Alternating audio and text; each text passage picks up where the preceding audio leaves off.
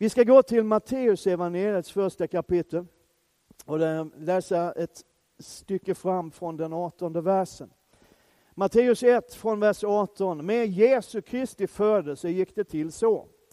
Hans mor Maria var trolovad med Josef, men innan de hade varit tillsammans visade det sig att hon var havande genom den helige Ande. Hennes man Josef var rättfärdig, ville inte dra skam över henne och därför beslöt han sig skilja sig från henne i hemlighet. Men när han funderade över detta, då visade sig en Herrens ängel för honom i en dröm och sa Josef Davidsson, var inte rädd för att ta till dig Maria som din hustru, för barnet i henne har blivit till genom den helige Ande. Hon ska föda en son och du ska ge honom namnet Jesus, för han ska frälsa sitt folk från deras synder. Allt detta hände för att det som Herren hade sagt genom profeten skulle uppfyllas. Se, jungfrun ska bli havande, föda en son, och man ska ge honom namnet Immanuel. Det betyder Gud med oss. Tänk om det hade varit Gud mot oss. Men det är det inte, det är Gud med oss. Visst är det bra?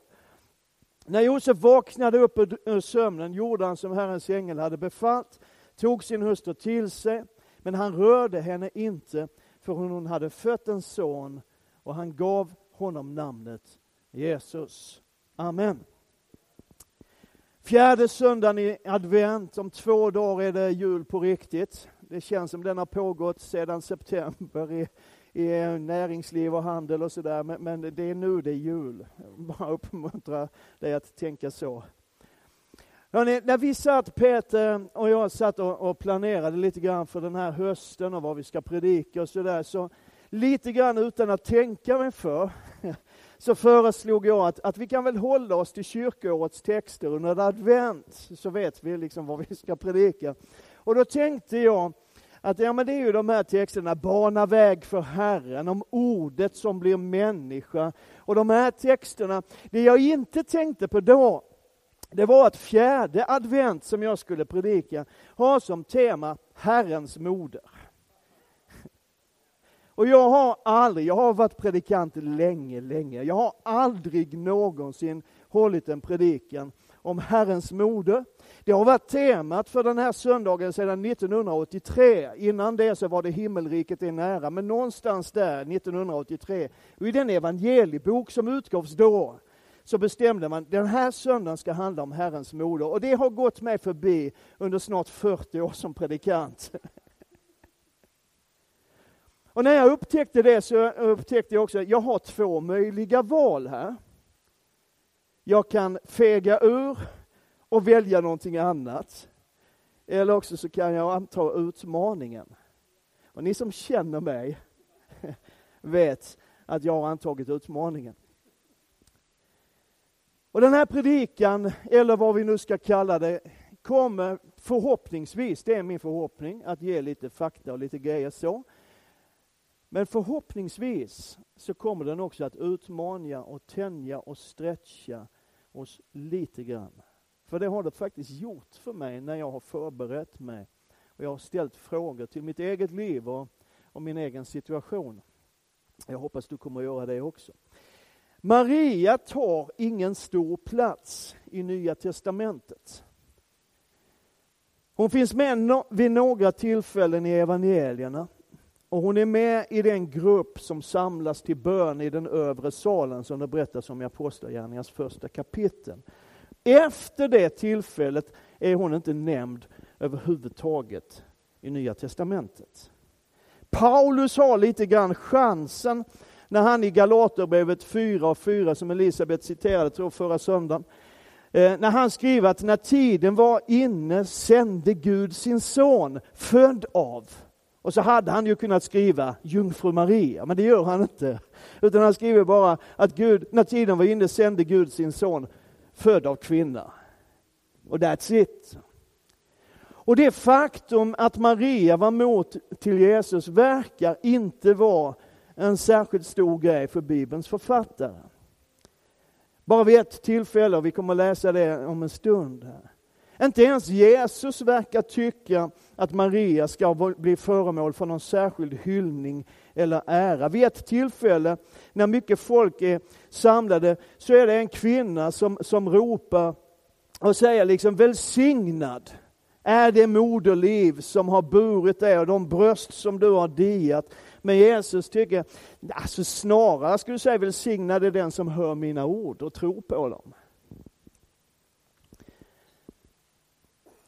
Och vid ett annat tillfälle så talar man om för, för Jesus att hans mor och hans bröder vill träffa honom. Och Jesus svarar, nej men min mor och mina bröder, det är de som hör Guds ord och handlar efter det. Alltså det är ingen stor sak i Guds ord. I Nya Testamentet. Och det kanske märkligaste av allt, när det handlar om berättelsen om Maria och hur Jesus kommer in i den här världen, är ju det här med jungfrufödseln. Jungfrun ska bli havande och föda en son. Och när jag har lä läst på inför den här predikan och, och liksom studerat en del texter så upptäcker jag det är inte heller en jättegrej i Nya Testamentet. Det kan man ju tycka att det borde vara. Eller hur? Ingen som tycker det. För grejen är att det hade aldrig någonsin hänt förut. Eller hur? Och det har vad vi vet aldrig någonsin hänt efter det tillfället.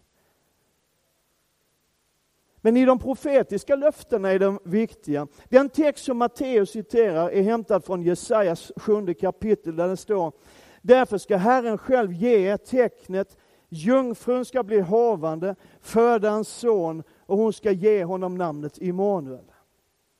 Och det här fanns med i det judiska folkets förväntan inför Messias som skulle komma. Hon skulle födas av en jungfru, en oskuld, någon, en ung kvinna som ännu inte har blivit sexuellt aktiv. Och när Matteus refererar till den här profetiska texten så följer han en tolkningstradition från de judiska rabbinerna. Messias ska födas av en jungfru. Och jag tänker att folk måste ha funderat och undrat över detta. Hur i all världen ska det här gå till?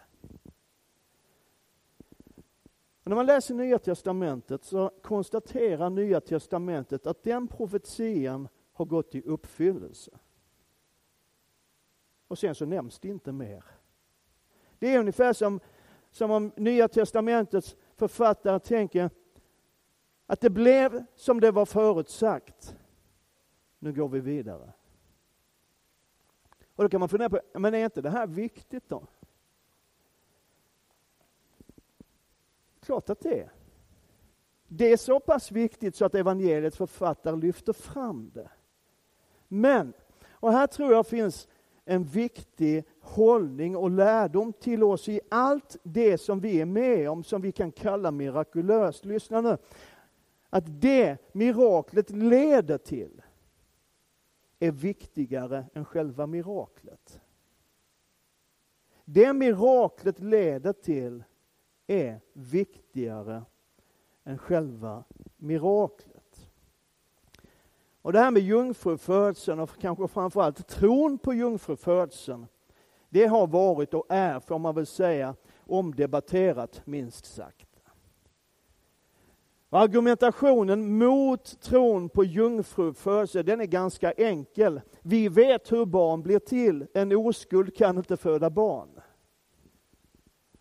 Och läser du texten som vi läste i Jesaja 7 i Bibel 2000 istället för i folkbibeln som jag använder här när jag predikar, och en del andra översättningar också, så står det inte jungfru, utan den unga kvinnan. Och det här handlar om en tolkning, en förståelse av hebreiska ord. Man menar att det finns ju i hebreiskan ett annat ord för oskuld än det ord som Jesaja använder.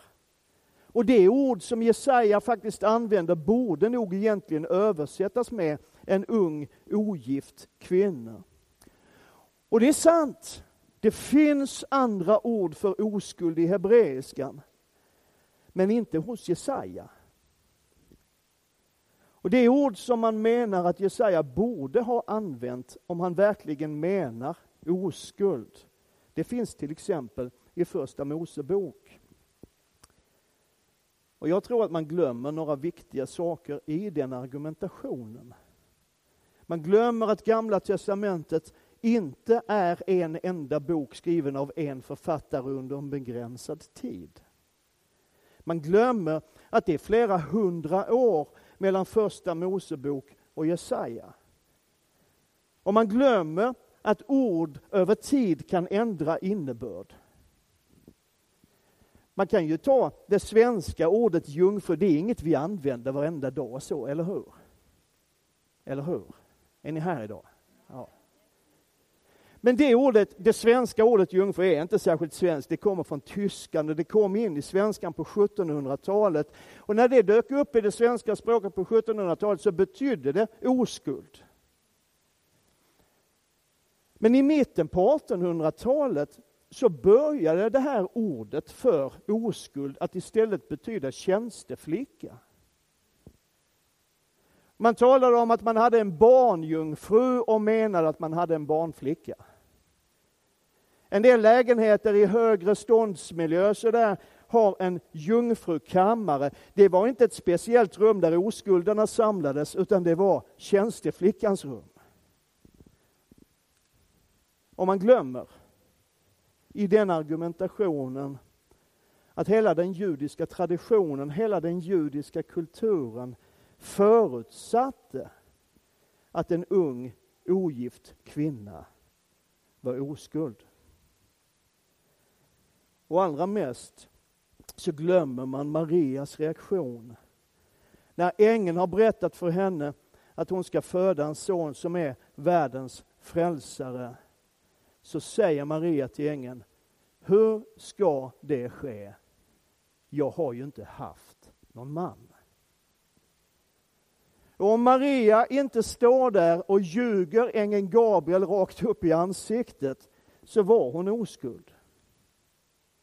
Och man glömmer också att Bibeln, som vi alldeles nyss läste, är väldigt tydlig med att Josef inte rörde henne förrän Jesus var född. Och jag har genom åren som, som predikant och pastor fått frågan, ibland faktiskt från församlingsmedlemmar, men oftare när man har haft studiebesök från någon skola, eller någon grupp elever som har skrivit något specialarbete om vad tror de egentligen på i Pingstkyrkan eller EFK-kyrkan eller vilken kyrka det nu råkar vara. Och så, här, och så kommer frågan, liksom, tror du på jungfrufödseln? Och man har kunnat ana en viss hånfullhet i den frågan faktiskt. Och mitt svar på den frågan, tror du Hultberg på jungfrufödseln? Det är helt reservationslöst, ja det gör jag. För du vet, jag tror på en Gud som har skapat universum. Den här världen med allt vad den innehåller.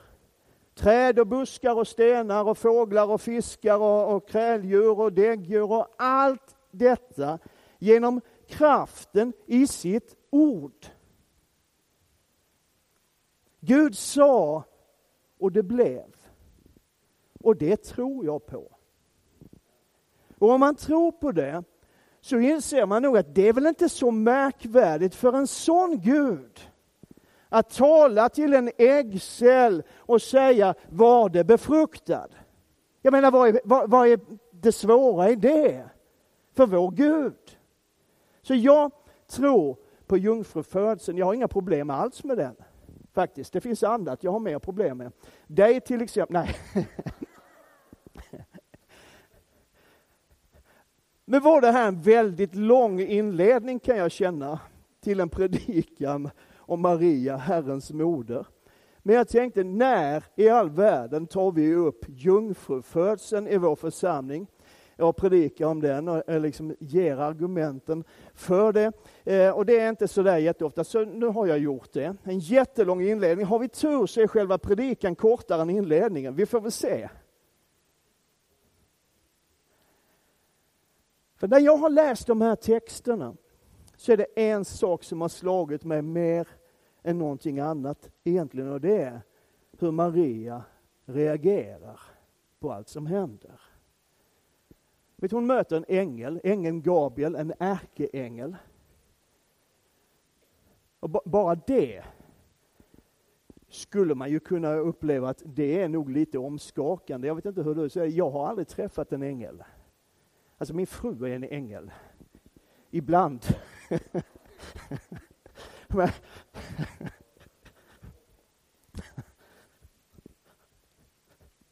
Och hon möter en ängel som talar om för henne vad som ska ske och hur det ska ske. Och då är Marias respons på det, okej. Okay. Alltså det finns, det finns inget tonårstrots överhuvudtaget.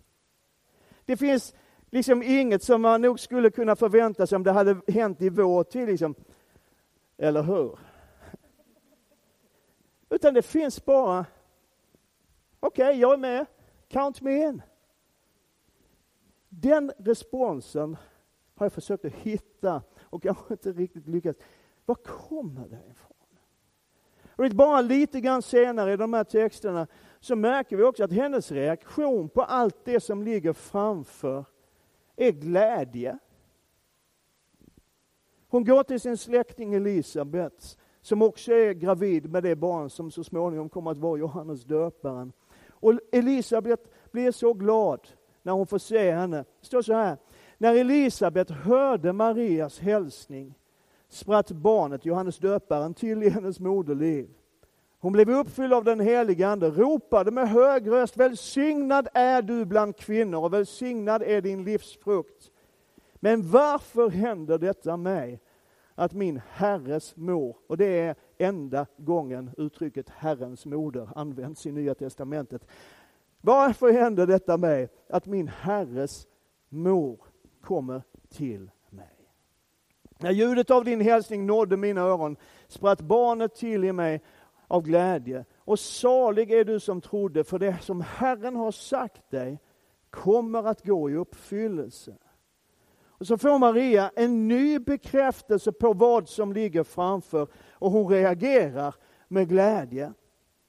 Då sa Maria, min själ upphöjer Herren, min ande jublar över Gud min frälsare, för han har sett till sin tjänarinnas ringhet. Det är glädje. Och då tänker jag så här, alltså Maria måste ha vetat, måste ha fattat att det som ligger framför kommer inte att bli helt lätt.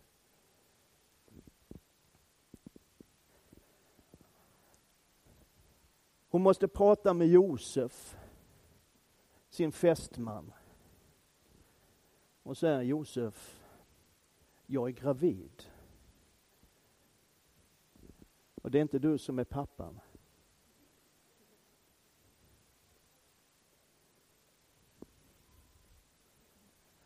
utan det är Gud själv. Och hon ska få Josef att tro på det. Hon måste prata med sina föräldrar. Och säga, mamma, pappa, jag är gravid. Och det är inte Josef som är pappan. Hon måste ta de där samtalen. Berätta vad som har hänt och jag vet inte vad du skulle ha sagt ifall din tonårsdotter kom hem och sa till dig att jag är gravid och det är inte, det är inte min fästman som är pappan, det är Gud som är pappan.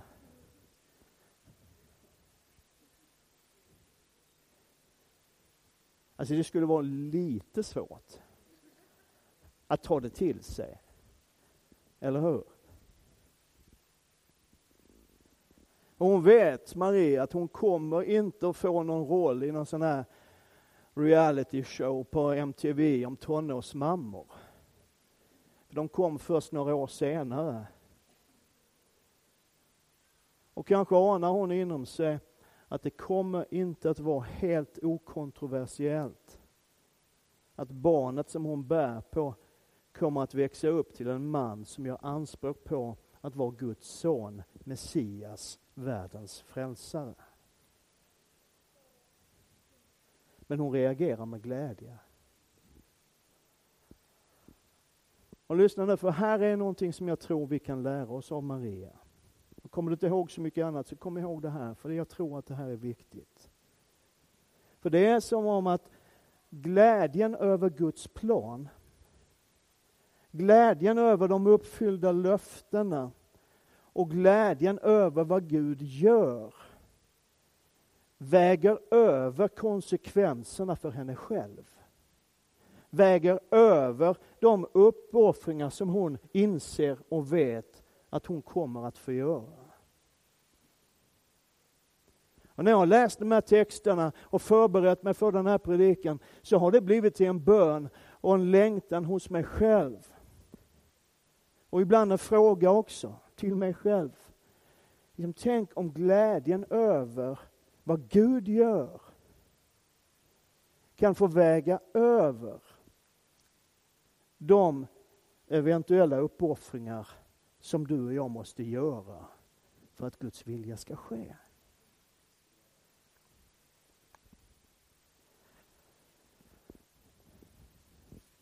Jag vet inte vad som präglar dig och ditt liv och din personlighet. Lite vet jag, men inte särskilt mycket. Men, men jag vet att, att min personlighet, min person, den jag är, väldigt gärna dras till det som är enkelt och bekvämt och kostar minst. Och du kanske är lite sån du också. Men tänk om glädjen över att det Gud har tänkt kommer att ske, om den får väga över för dig och mig de eventuella uppoffringar som vi behöver göra för att Guds vilja ska ske. Guds plan är viktigare för Maria än hennes egen bekvämlighet. Och därför reagerar hon med glädje. Och du vet, evangeliet är glädje. Själva ordet evangelium betyder glatt budskap. Jag höll en andakt på trivselstundens julfest för, för någon vecka sedan eller två. Och då talade jag om bland annat att första gången som evangeliet predikas efter att löften om Messias har gått i uppfyllelse, det vill säga efter att Jesus har blivit född in i den här världen.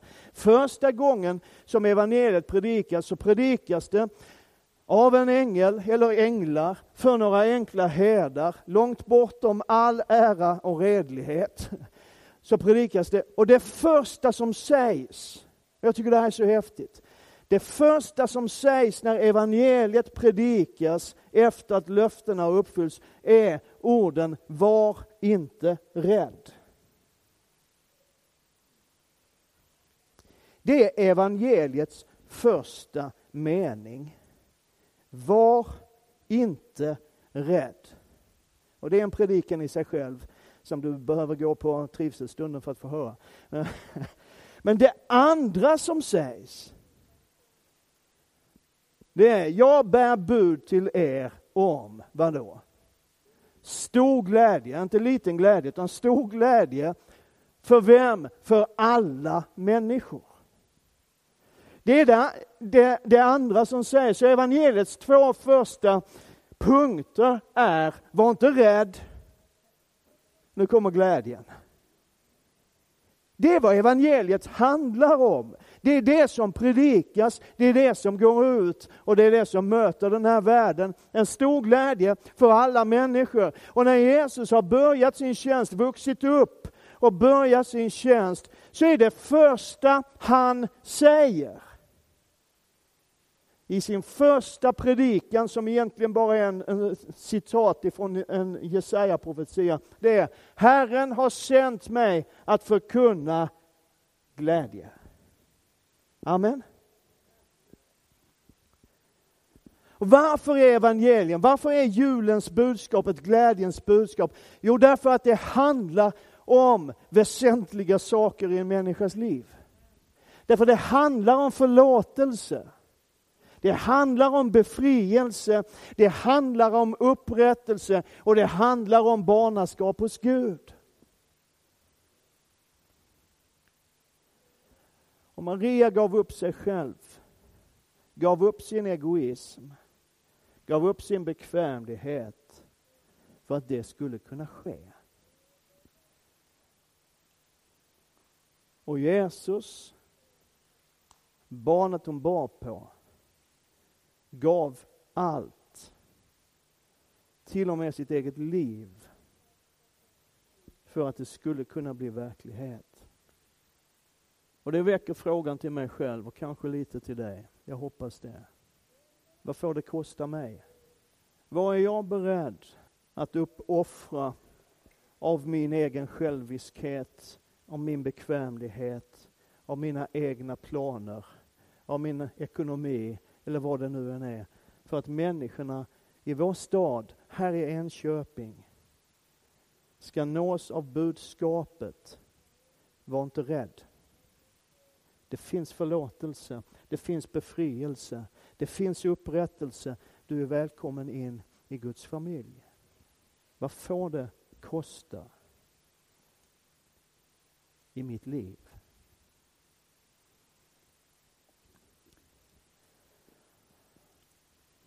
När Stefan predikade för två veckor sedan så gjorde han en, en poäng som jag tyckte var jättebra. Han tittade på julkrubban där borta och sa att det är ju fel på den här. Därför att det ligger ett Jesusbarn kvar. Jesus är inte kvar i krubban. Det får du ha det. Det är jättegulligt. Men Jesus är inte kvar i krubban. Och Stefan sa, han är inte kvar på korset heller. Vi har ett tomt kors. Och grejen är, och det vet jag för jag har varit där, att den grav som Jesus lades i, den är också tom. Men vet du vad som inte är tomt? Tronen där Jesus sitter och regerar i evigheternas evighet. Och den tronen har en filial i ditt hjärta om du tror på honom och har tagit emot honom. Och det är inte heller tomt. Amen. Jag försöker inte krossa din mysiga, gulliga jul. Jag bara utmanar dig själv, utmanar mig själv och dig själv. Att ändå någon gång under den här julen ställa frågan. Medveten om vad det kostade Maria, medveten om vad det kostade Jesus att evangeliet skulle predikas i hela världen och ställa frågan, vad får det kosta mig?